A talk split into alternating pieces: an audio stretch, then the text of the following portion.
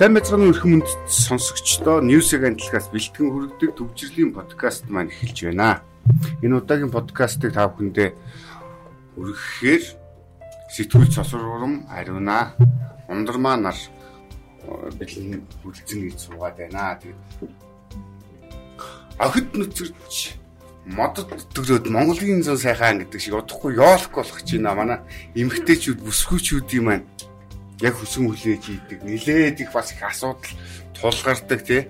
Жиндээ орох гэж одоо тамирчд болгоо гэдэг шиг жингээ хасна гэдэг шиг нилээ юм болдог. Энэ алдалт баяр маань ирж гин тэгээд энэ жилийн үед хэдийгээр хил хаагдсан ч гэсэн сүчүүдийн даашинцаа худалдан авах энэний эрэлт хэрэгцээ нэлээд байх шиг байна тийм. Юусыг хамтлаг бол өнөөдөр гол сурвалжлагаа бол хямралтай жилийн өмнөд дайсанцыг худалдаж авах хүн алгаа гэд ачгийн дор хийсэн байгаа энэ э, шинэ жилийн бэлтгэл ажил төсвөлчүүд маань хэрхэн ба зааж ийнэ. Манаас осруур нь маань сурвалж ирсэн. Нөхцөл байдал ямар байна? Сонсох нь ер нь өнгөрсөн жилийн бараанууд л энэ жил байгаад юм гэсэн тийм Тэг чин трендүүд нь өөрчлөгдөөд ирэх загварууд нь өөрчлөгдөөд ах шиг байгаа юм тийм. Гэхдээ бол нэгтгэлийн амар загвараас хойшсуус нэг бол байх тул гэх. Угаасаа юу гэх нэг ойрын хэдэн жилдээ тэрнээс гарахааргүй тийм өнгөтэй загвартай шалтгаалж болно гэдэг болохоор би ерөөдөө сүүлийн 2 жил чинь бид нэр ковид 19 салдаг бол бас баяр тэмдэглэж чадаагүй те. Тэр утгаараа энэ жилийн үед бол нэлээд өргөн цаг тэтгэлэр байгаа. Албан байгууллага үндэстэй найз нөхдөд те. Тэгэхээр одоо ингэ албан байгууллага гадна яг цасцсан. Би нэгөө гоё наастартай байгаад байгаа шүү дээ. Тэгээд юу би Grand Plaza болон алтчин бөмбөр орсон бохгүй юу? Энэ хоёрыг орж харьцуулт хийсэн. Тэгээ ерөнхийдөө хотын төв байрлах гэдэг утгаараа Grand Plaza бол хүмүүсийн тоо амар их хөлөө нэмдэж өгдөг болохоор яг гоо ингээд харьцуулахаар нөгөө талдаа бөмбөр жоохон сонголт муутай. Тийм болохоор бас иргэд илүү тав тухтай сонголт өргөн өргөн дэлгүүрийг бас үнээс үл хамаарч илрүүлдэг болцсон юм да. Их бас хандлага ажиглагдчих байлээ. Тэгээд одоо нэг хил хаацсан болохоор бас би плажуудаас өмнө өвд ч юм арьсмаар ингээд за өөрөө сонголт муутай юм болов гэж бодчихлоо. Тэгээд очиод ингэ нүдээр артал бас үгүй байдал өөрөө шүү. 20 онд авдран байсан плажууд нь бас эндээ бас мод хിവэр байлээ шүү. Харахад бас заагуур наснаас хамаарлаг бас янз бүрэлтэй залуу юм гэх тийм өөрийнхөө бие галбир татчихсан дайч мэдээ өнгөнөө өвдөх урц. За жоохон ингээд 40-с дээш насныхан бол одоо тэний харж байгаа ч юм урттай шинц ч юм уу тий. Илүү даруухан гэл байх жишээ нь. Тэгээ өнөө өвд бол нэг 70 мянгаас 699 мянган хооронд байгаа. Гэтэ надад ч нөгөө яг уу би барьсан плажи хувьд л та. Одоо чинь CC плаж гэж та мэдгүй. Мэдгүй шүү дээ. Мэдгүй байх юм яа. Тэгэхгүй юу. CC амар шүү дээ. Аа 900 эдэн багтаа байхгүй. Аа нэг хатан тийм. Хаа шиг. Айгуу гоё ингээд дэрбэр плаж үү чамин хийнцэр. Тэгээд ингээ бодохоор шинэ худалдагч нар хэлж байгаа юм л та. 200-аас за 70 мянгаас 250 хооронд бол огт бүсгүүд нь дайлцаа авчиад байгаа юм. Тэгээд 400-аас 900 бол ингээл авах боломжгүй тий. Одоо ингээд халдварын улмаас ингээл хаана хэцүү байгаа нөхцөл байдал 900 мянгаар бараг нэг сарын хацлангаар дайсан заа авчиад тэгээд үлцэн хоног яаж өнгөрөх вэ? Ингээд тийм болохоор ялцчихгүй өөрөө санхүү боломжтой харуулж барааж сонгож байгаа юм. Нөгөө талдаа энэ үнэтэй дайсан зүй чинь манай энэ төрийн албаа агчдыг хавдаг юм шүү. Энэ жил чинь тийм төрийн албан агчдыг хоригдсон шүү дээ. Төрийн байгууллагыг шинэ жилийн арга хэмжээ зохион байгуулалтыг хоригдно гэдэг хэлсэн тийм. Тэгэхээр тэнцээ чинь бас за төрийн албан агч чинь бүдүүн бараг тооцоогоор 200 гаруй мянган хүн байна гэдэг байгаа шүү дээ. Тэрний чинь таалах хувь нь эмгтэй хүн эмгтээчүүд бүсгүүчүүд ажиллаж байгаа гэж тооцохлоор 100 мянган хүн гэл худалдаа авалтаас гараа явчих чинь гэсэн үг шүү дээ. Болохоор угаасаа худалдаа хүмүүс ярьж ярьжсэн шүү. Тэгээд төрк мөркөөс ирсэн дайсан зууд бол яг үнэтэй идэв билээ. Материал хийсэн шалтгаалаад гэж их нарийн гэж шүү. Аа. А тэгээд түрээс нь баг хямдхан юм биш үү? 15-аас 15-аас 70 мянган төгрөгөөс Тийм болохоор хүмүүс нэг өдөрт 900, 500, 400 төгрөг өгч яхаар за түрээс л чигээл. Тэгж байгаа би л. Тэр Facebook сахим орчин ч гэсэн яг прокатны сайт Facebook пэйж амар ихтэй байгаа ачаалтай байгаа юм. Мэдээж тэр балаж үнэн хийдэг, үнэн хийдэг үл аюу хасаж комеди хийдэг. Энэ яг над чиг нөхөрийн доор нэг сэтгэлдсэн баг шүү байна. Би тэгээ үгүй. хөгжилдөж шинэ жилийн 3 цагийн үдшилгийн балааж арай сэрүүднэ. Хүүхнүүд минь ухаантай бай. Хуучнаа угаагаад өмс өмтэй балааж авах мөнгөөрөө им тэрэ витамин хоол хүнсээ нөх нөөцөж ухаан дутуунуудаа нөөцлөөч ээ гинэ. Тэгсэн чи энэний хариуд нь бас ч юм битсэн мэд. Угаасаа ухаангүй юмнууд өгөж байсан ч авна гэж үтгэж байгаа. Маргааш нь яваад явдаг болохоор мэдхгүй байж яа зүтгэнэ гэдэг. Ингээд хоорондоо сайхан хэлдэг. Энэ эрэгтэй эмэгтэй хүмүүсүүд үз тариад ах шиг юм л та. Гэтэ ахаагүй эмэгтэй хүн чинь үргэлжийн сайхан. Гэтэ бид нэр одоо аллийн болгон тийм ингэж муу. Энэ өвчин өвчин гэж ингэж стресстэж байх хэрэгтэй тий. Мэдээж энэ хүний жамс одоо бид нар бол ковидтэй дас зөгчлээ энэ нөхөөс биш. Одоо энэ айд хөв ер нь өмчлөш айгаад ах ямар ч шаардлагагүй болоо алдар хамгаалахад хэлний сайтар бариад ингээд тийм тэгэхээр одоо дэний жил байгаа биш. Ингээд ингээд бодоход эдийн засагт ч гэсэн эн чинь бас эргэлтэнд ороо зүгээр байгаа байхгүй. Тэгээ энэ дайсан зардаг байсан хүмүүсийн худалдаа авалт ингээл унчиж чинь гэдэг чинь бас тэрний ард байгаа айл өрхүүд амжиргаа яах вэ гэдэг ингээл бодглохлоор хаа ханаа юм байна. Тэгээд дээр нь одоо энэ ресторан баарны асуудлууд байна тий. Баахан хоригдож хоригдож хаалх үедээ барьж барьж ирсэн нэгтэд одоо л нэг юм шинжлэлийн захиалга аваад нэг эргэлтэнд орж эхэлж шít. Тэгэхээр бас тийм хаа хаана штэ айл юм шиг байна. Одоо баг их газар бол захиалга дүүцэн билээ шүү. Тэгээд нэмлээ судалж үзсэн ресторан юм уу те. За тэгээд юм байна. Ойрын өдрүүд та бүхэндээ сануулхад та бүхэн мэдж байгаа Монгол Ардын намын 100 жилийн ой өгцөн гэх юм уу зохион байгуулалт маш сайтай гэж ярьж байгаа тийм 30 дугаар их хурл үйлчилсэн. Тэгээ 2 хоног үйлчлээ. Өнөөдөр бол баг хурлаа хуралдуулж байна тийм. Энэ талаар манай 3 өдрийн турш айрын маань сурвалжлаад ирсэн. Энэ хурлд ер нь өнөөдөр бол баг хурлынхаа гишүүдийг сонгох юм тийм үү? Аа. Тийм. Тэгээд яг 12 сарын 6 7-нд болсон манай 30 дугаар их хурал гэдэг айгүй том юм хурал болсон л та. Тэгээд ер нь одоо нөгөө гişүүд чинь дарга нар ердөөсөө төрийн ордонд байхгүй бүгдээрээ UB Palace цугласан байсан. Тэгээ өглөө хурал бол 8 цагаас эхлээд орой бүр 11 цаг хүртэл хуралцсан л та. Тэгээд энэ хурлын яг одоо онцлог юм нь юу юм бэ гэхээр нөгөө ерөнхий сайд ихтгэл тавиад аа тэг ихтгэлтэй болохоор шин сэргэлтийн бодлого буюу улс орны нийгмийн эдийн засгийн хөгжил одоо бүхий л зүйлийг багтаасан юм цогц бодлогоодыг бол ихтгэлээрээ танилцуулсан. За тэгээд ихтгэлтэй холбоотой дараа намын даргаыг сонгох үйл явц өрнөөд тэгээд оюун эрдэнэ ерөнхий сайдыг 99.7% саналаар намын дараагаар томилсон байгаа. Тэгээд тэр нэг 0.3% тэр сүрэг дэмцэн үн хин бэ гэдгийг бас олж чадаагүй байгаа. Аха. Тэгээд яхаа энэ дээр бас хамгийн сонирхолтой юм амар баясгалан гэдэг залуу тий. Аа. Одоо дөрөвт удаага үлрийн сонгогдлоо гэж байна. Гэхдээ эн чинь өнөөдрийн яг баг хурлын ба шийдвэрлэлтэй. Угаасаа энэ бас өчигдөр ч гэсэн ер нь ярьсан байсан баг гişүүдийн байр суурийг ч авч явах те дундаас тэр одоо нэг манай хурлын уур амьсгалыг мэдрэхэд ерөнхийдөө бол оюун эрдэнэ дарга ерднэр ойрлол ер нь бүгдээрээ л нэг яриа тогтцооцсон. Тийм л үйл явдал ажиглагдсан да. А гол нь яг энэ хурлыг ингээд дүгнэхэд бол зохион байгуулалт сайтай явсан. Тэгээд тиймэрхүү. Ер нь бол тэгээд эрх баригч нам гэдэг чинь тэгээд тухайн улс орны бодлогыг бас нийтэд тодорхойлно. Тэр утгаараа хэвлэл мэдээллийнх нь бас айгүй нээлттэй.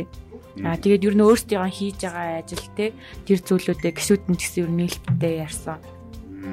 Тэгээд бас айгүй сонин сонин зочд бас их харагцсан ойрт одоо үзэгдээгүй хүмүүс ч бас байна. Тэгэд инх хоёргоо бас намрын инх хоёргоо өчтөр бас ирсэн. Хүүхэд нь бачгаар гişүүн гээд ер нь аав хүү ингээд бас ирсэн хүмүүс байсан шүү хамт ирсэн хүмүүс.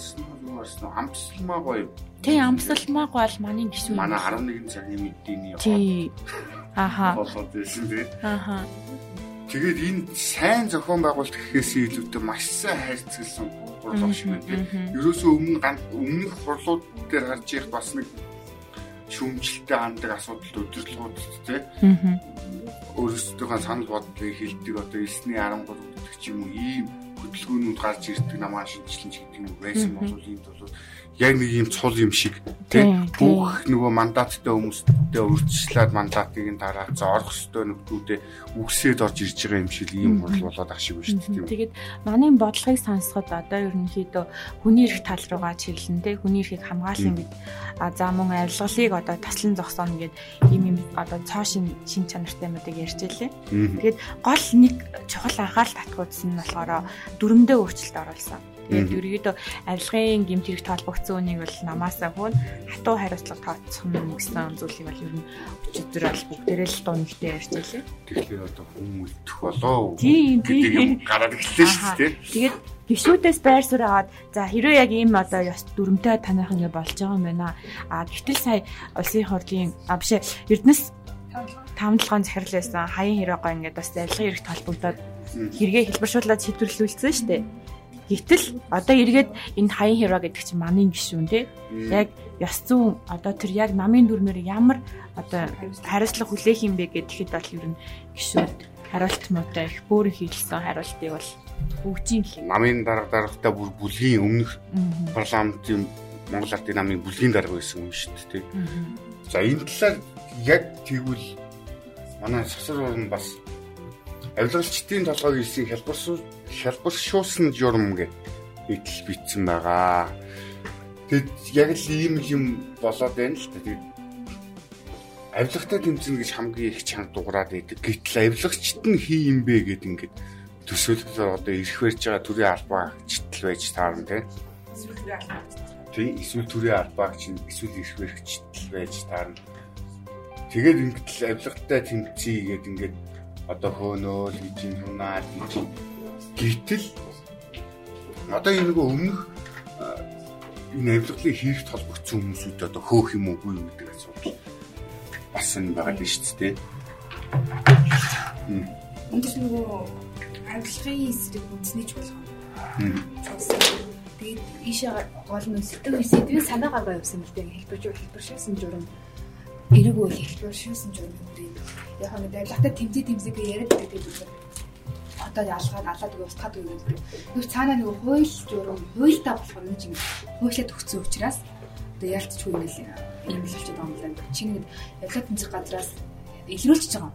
Цааш ингэж хэвээ шийдвэл шүүхээс болохоор одоо хэлбэрчүүлсэн гэдэг тухайн иргэн мэн авлах авсан иргэн нь шүү дээ. За би ингээ гин буруу үйлсэн миний авлах авсан үнэ Тиймээс би хэрэгээ хэлбэржүүлсэн жамаар шүү дээ хүсэлтэй байна.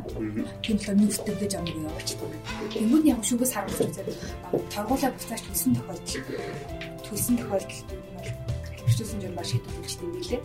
Нийтийн албаны томлох хэрэг нь доор ижтгөөс 5 жил хасаад тэгэл хэдэн 6-аас нэг 10 сая тагч юм. Тийм жишээ. Тэгээ яг гол нь нөгөө энэ үнцг нь болохоор яг нь Эрэггүй эргээ хэлбэрсэн журам бол буруудахаагүй чинь бусад бас гэмт хэрэгж гисэн яаж байгаа байхгүй одоо чинь хүний мэнд настай алдах гэмт хэрэг ч юм уу тийм гол нь авилгын хэрэг дээр яг энэ журмыг ер нь өөрчлөлт өгдөг үзэг байхгүй юу? Энэ энэ журам чинь бол энэ авилгыг бүр улам яагаад цэглэдэг шүү дээ өөр хэлбэрсэн журам байгаа юм чинь би авилга аваад баг буцаад тийм нэг үгийн бургу хүлээд буцаа гарчнаа одоо хаян хэрвээ гэдэг хүн бол 2.8 тэрбумын ахуул авсан мөртлөө 40 сая төгрөгөөр торгуулаад Тэгэл ингээл 8 жил төрийн албаа нь 2.8 тэрбум төгрөгтэй болсон хүн 8 жил төрийн албанд байхад яах юм тийм үстэй. Тэ? Тэгэл ингээл явахаар үлдсэн мөнгөө намдаа хандив. Тэгээ эн чинь эсэргээр авилгатай тэмцэх биш, авилгалыг хөхүүлэн дэмжих тухай яриад байгаа асуудал юм биш үү, тэ? Тэгээ Монгол албаны авилгаа. Энд чинь тэгж шүү дээ. Аваад тэгээд эн чинь алдагдтал нь бол Улс бол алдагдлаа хүлээгээд яа. Тэгээ та нар хожиж байгаа бол тэгээ ингээд яа гэд. Би жишээ нь одоо 2 тэрбум төгрөг авсан бат хүсэг. Яад энэ тэрбумыг нь торгол төлөе л доо. Тэгээ цаана тэрбум төгрөгтэй үлдэх юм шиг ийм нэг зохицуулт яваад шүү дээ. Тэсийн мөртөө нөгөө үгээд үсэл болоо ирэхээс өмнө зөрчил тохиолдол байж торгоод идэг тий. Тэнгүүд ингээд нэрээгүй айлт айлтар чинь нэрээгүй хуулийн хэлбэрсэн юм ингээд ачиж одоо энэ чинь яг өнөөдрийн юм юу дабл стандарт болчиход байгаа. Одоо жирийн иргэдэд бол үзэл бодлоо илэрхийлээд ингэхт нь торгоод за зөрчлийн хуулиар 50000 төгрөгөөр 500 мянган төгрөгөөр торглоо гэл ингээл За нэгд оргуул нь, хоёрд оргуул нь, гурав дахь оргуул дээр нь чинь өөрсдөө энэ хүмүүс шиг авилга аваа сууж байгаа хүмүүс биш те. Эдийн засгийн хувьд бол маш том дарамт учирч байгаа байхгүй. Тэгээ энэ үг хэлэх үзэл бодлоо илэрхийлэх эрхий чинь эдийн засгийн аргаар нь ингээ хумээд боогоод нь шүү дээ. Тэгээ айгуул бол дараа нь торгуулаа төлсөнгүүгээд дахиад баривчлаа шүү дээ. Энэ ийм хөгийн байдлаар асуудал хандаад байна. Аялал тэнцэг газрын дарга ч гэсэн ижлэсэндээ таштай байгаа. Ер нь эрэг үйлч гэсэн өөрчлөлт оруулах шаардлагатай байна. Одоо чинь энэ хэлбэршээс хэлбэршүүлсэн журмыг ямар хэрэг дээр ашиглах юм? Ямар хэрэгт нь ашиглахгүй мөрөө заагаж өгөөг болохоор ингэж өнөөдрийн хуулийн цац орхон гарчаад байгаа юм. Дээр нь одоо энэ нөгөө төрийн албаа агчтай улсын хурлын гишүүд өндөр албан тушаалтнуудын нөгөө халтшгүй эрхийг бас зохицуултыг эргэж харах хэрэг байна гэж таштаваа дарга хэлжээ. Ялтчгүй одоо манай гişүүдэд бол нэг тим юм гарч ирсэн яг ийм эдийн засгийн том улсад хохирол учруулсан хэрэгт холбогдоод тэгээ нөгөө нөхөр нь болохоор улсын хурлын гишүүний машинд суугаад яваад идэг.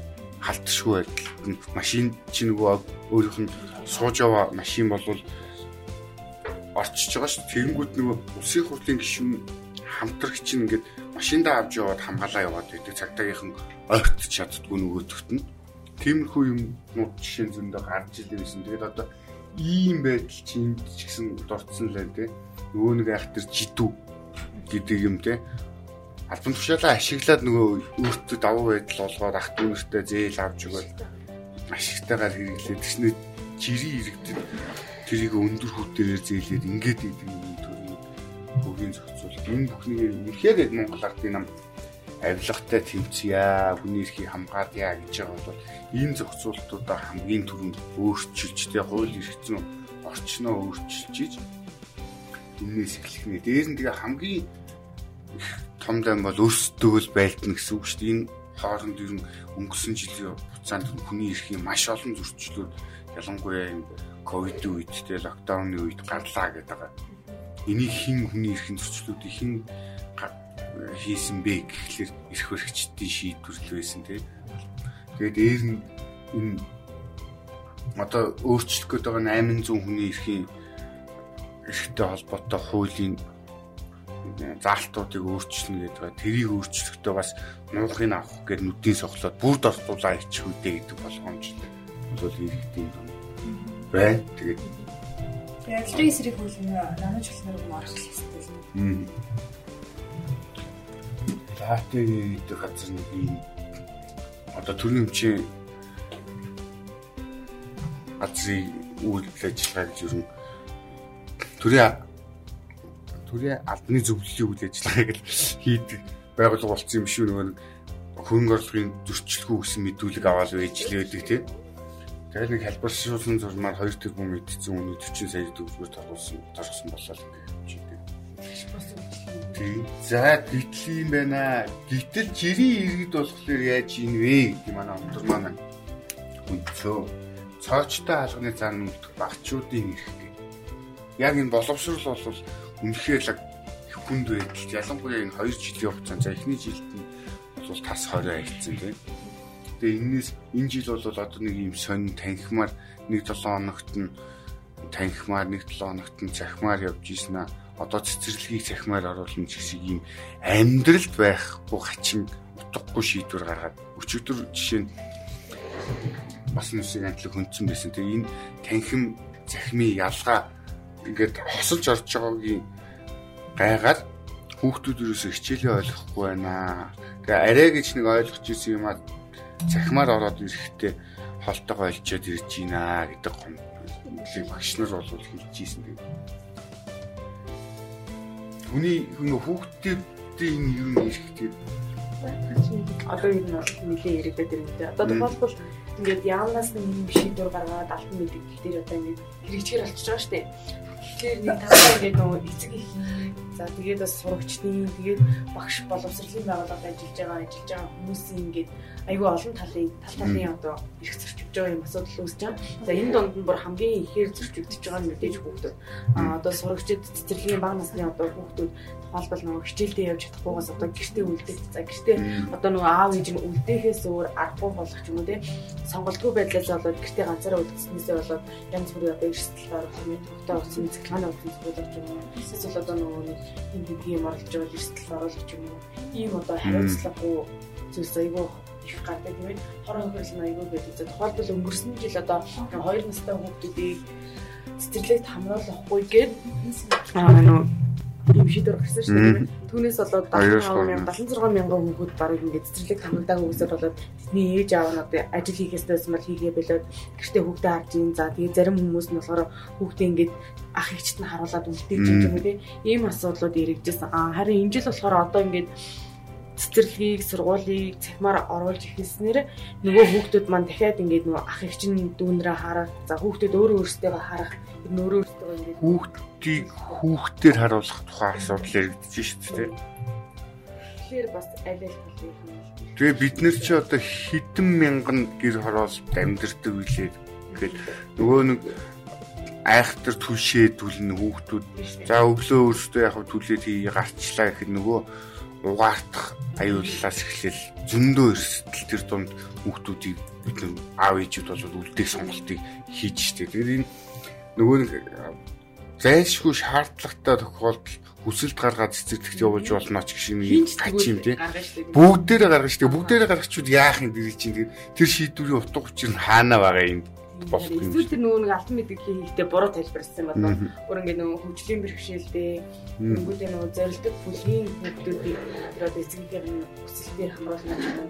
Тийм тайлбар хийх байсан болов. А түүнээс биш одоо шаардлагагүй хүн бол цэцэрлэг хамруулъя гэж бодохгүй шүү дээ. Одоо 2-оос 3 насны чинь 70 мянган хүүхэд байна гэдэг байгаа тийм цэцэрлэгт хамрагдаагүй. Тэд нэр 70 мянган нэмэлтээ 140 билүү цэцэрлэгт хамрагдсан Гэт ингээр 210 мянган хүүхдийн энэ асуудлыг ингээд ийм хөнгөн гомоо байдлаар шийдчихдэг тийм. Зөвхөн цэцэрлэгийн насны дээр шүү дээ. Энд дээр чинь 1 2 3 дугаар ангийн хүүхдүүд, бага ангийн хүүхдүүд үнээс Тэгээ хамгийн аимшигт нь яг нийгэмшиж боловсрох ёстой энэ насны хүүхдүүдийг ингээд ийм үдээр нь яг үнэ хэлэхэд бол зэрлэгшиж шít манай одоо нэг 3 настай байна тэгээд ерөөсөө хөгшөнтэй үлдчихэж байгаа нь манай ээжтэй тэгээд хийж байгаа юм тэр хоёрын үздэг юм гадны беби тв ч юм уу хөшин юм бол тэр болгонд хүүхэд харахаасаа илүү өөрийгөө яйж байгаа хүмүүс. Иймэрхүү өрхөд бол зөндөө байгаа байхгүй. Тэгээд цэцэрлэгт авахгүй За хувийн цэцэрлэгт өгье ихлээр янз бүрийн эрсдэл гарах юм бол бид нэр хариуцахгүй шүү гэдэг юм. Хүн чинь уг хүүхдээ эрсдэлд оруулахгүй л гэж цэцэрлэгт өгөх зорилго бол ерөөсөө тэр байгаа шүү. Тэгэхээр ийм олон хүмүүсийн амьдрал тэгээд дээр нь эдийн засгийн ийм хүн үед ингээ олон олон залуу мөрхүүдийг бол ялтчгүй аль нэг нь ажилласаа гарч хүүхдээ харгалт ийм сонголт. Тэгэл сонголтгүй сонголтыг л өгөөд нь шүү дээ. Одоо бас нэг зүйл яриад байгаа юм гэрээрээ одоо хүүхдээ харж байгаа юм чинь зөвхөн одоо нөгөө орлого болчихж байгаа шүү дээ. Тэгэхээр нөгөө зөвхөн өөрийнхөө хүүхдээ харахаас гадна хүмүүсийн хүүхдээ өдрөндөл хэлбэрээр гэртээ харах юм уу? Ийм бас зараад аюул тавигдсан байлээ. Тэгээ одоо тийм шиг тэгээд бас жоохон сэргэлэн тэгээд байж тээ.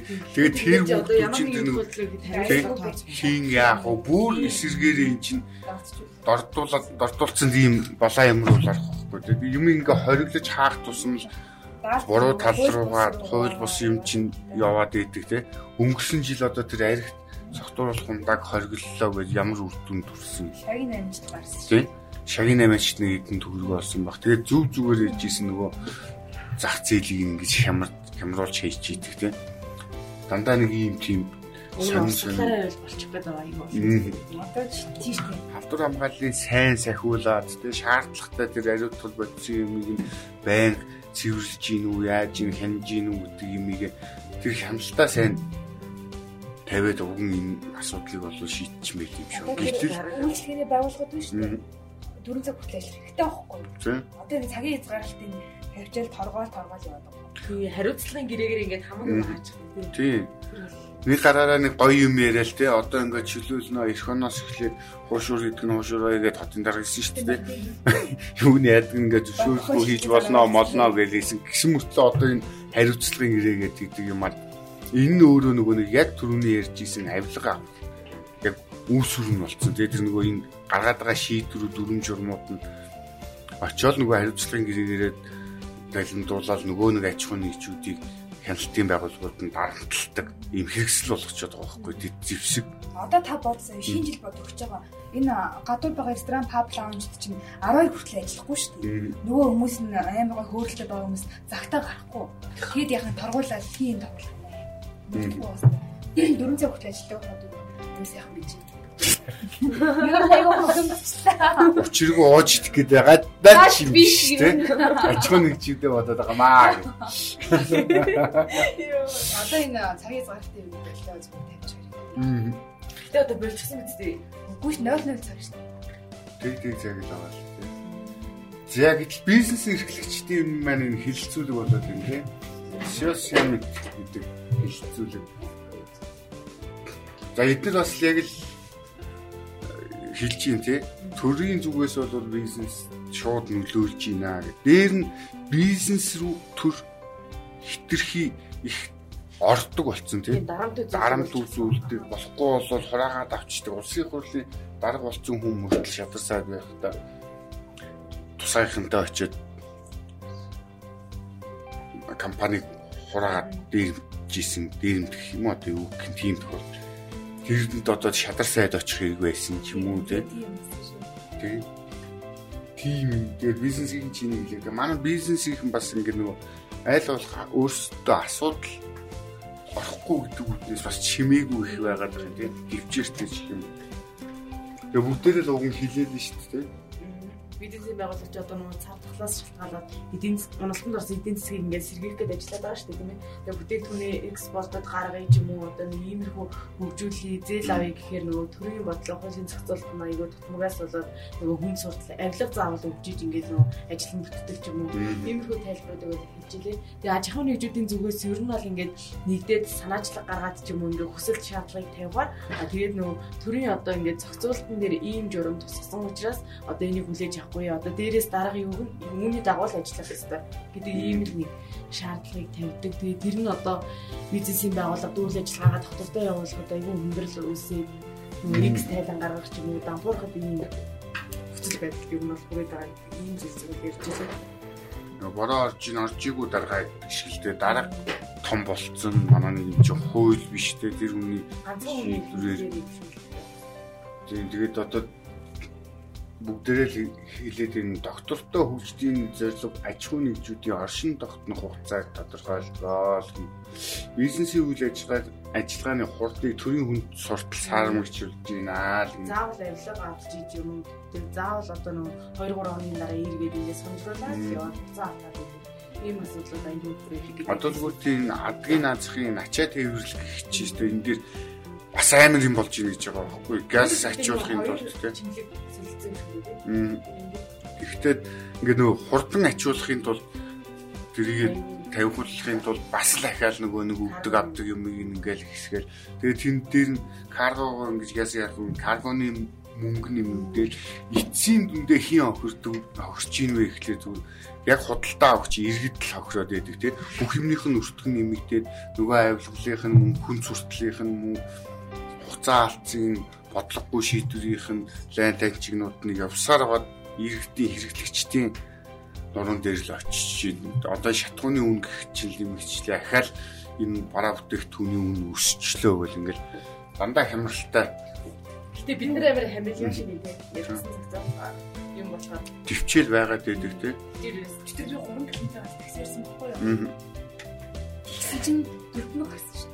Тийм тийм л болчиход байна. Манай тийм манай такси үйлчилгээ чинь 300 төгрөг 200-аас 300 төгрөгөөр шатгуу нэмэгдэхлээр 1000 байсан такси чи 2000 болчихж байгаа. Тэр бас нэг арай ийм ийм асуудлууд байна. Тэгээ шатхууны үнийн чөлөөт арай л цагаа болсон юм?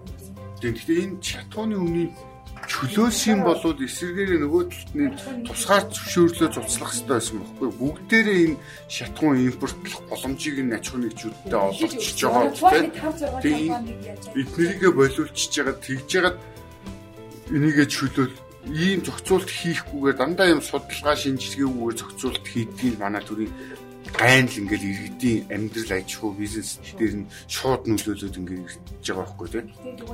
Өөрөө утгаараа чөлөөлт болж чадахгүй. Зүгээр л одоо иргэд чинь хагас бүтэнсээр одоо энэ орс хил чөлөөтэй байдаг багт чинь гарч тавхиал цагаан сар юм чинь чихэр жимсээ жимс ногоогоо орсоос аваад дээр нь тэндээс авсан шатхуун машинтаа ороод банка дүүргээл гараад ирэхэд энд авдаг нөгөө ахта бахта бензинээс нь 3-аас 4 дахин илүү зам тулж ийн гэж байгаа хөөх тэр бензин. Тэгэхээр иргэд үртэл ингээд нөгөө аж ахуй нэгч биш ийм зохицуултыг хийгээд ингээд байж их төр өгөн бол ийм боломжийг нь хангахын оронд дандаа нэг гай тарьсан шийдвэр тэгээд аль болох болж игэл шийдвэр битгий гаргаасаа гэж одоо иргэд санааж ирдэг. Нэг шийдвэр нөгөө тий болчоод байна тий. За баярлалаа та бүхэнтэйгээ төвчрлийн подкаст маань энд хүрээд өндөрлөж байна. Ирэх өдрүүдэд та бүхэнтэйгээ илүү олон мэдээлэл, шин сарга мэдээлэлтэй иргэн уулзцаая. Баяртай та бүхэн. Баярлалаа сайхан